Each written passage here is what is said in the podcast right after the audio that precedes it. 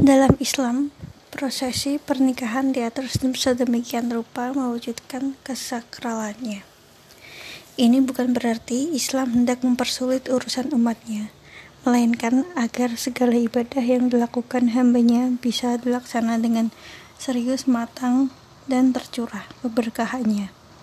Sebelum menuju proses akad, Islam menghadirkan proses lamaran atau hitbah yang dihukumi sunnah karena Nabi Shallallahu Alaihi Wasallam pun melakukannya.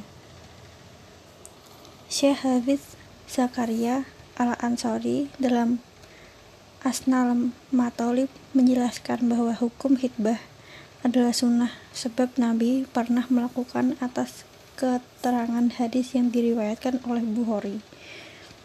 Melalui Haulah binti Hakim, Rasulullah meminang Aisyah setelah wafatnya Sayyidah Khadijah. Aisyah radhiyallahu anhum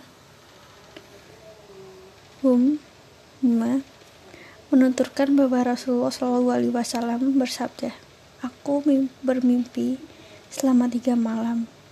Malaikat datang kepadaku dengan membawa gambarmu dalam sepotong kain sutra seraya berkata, Inilah istrimu.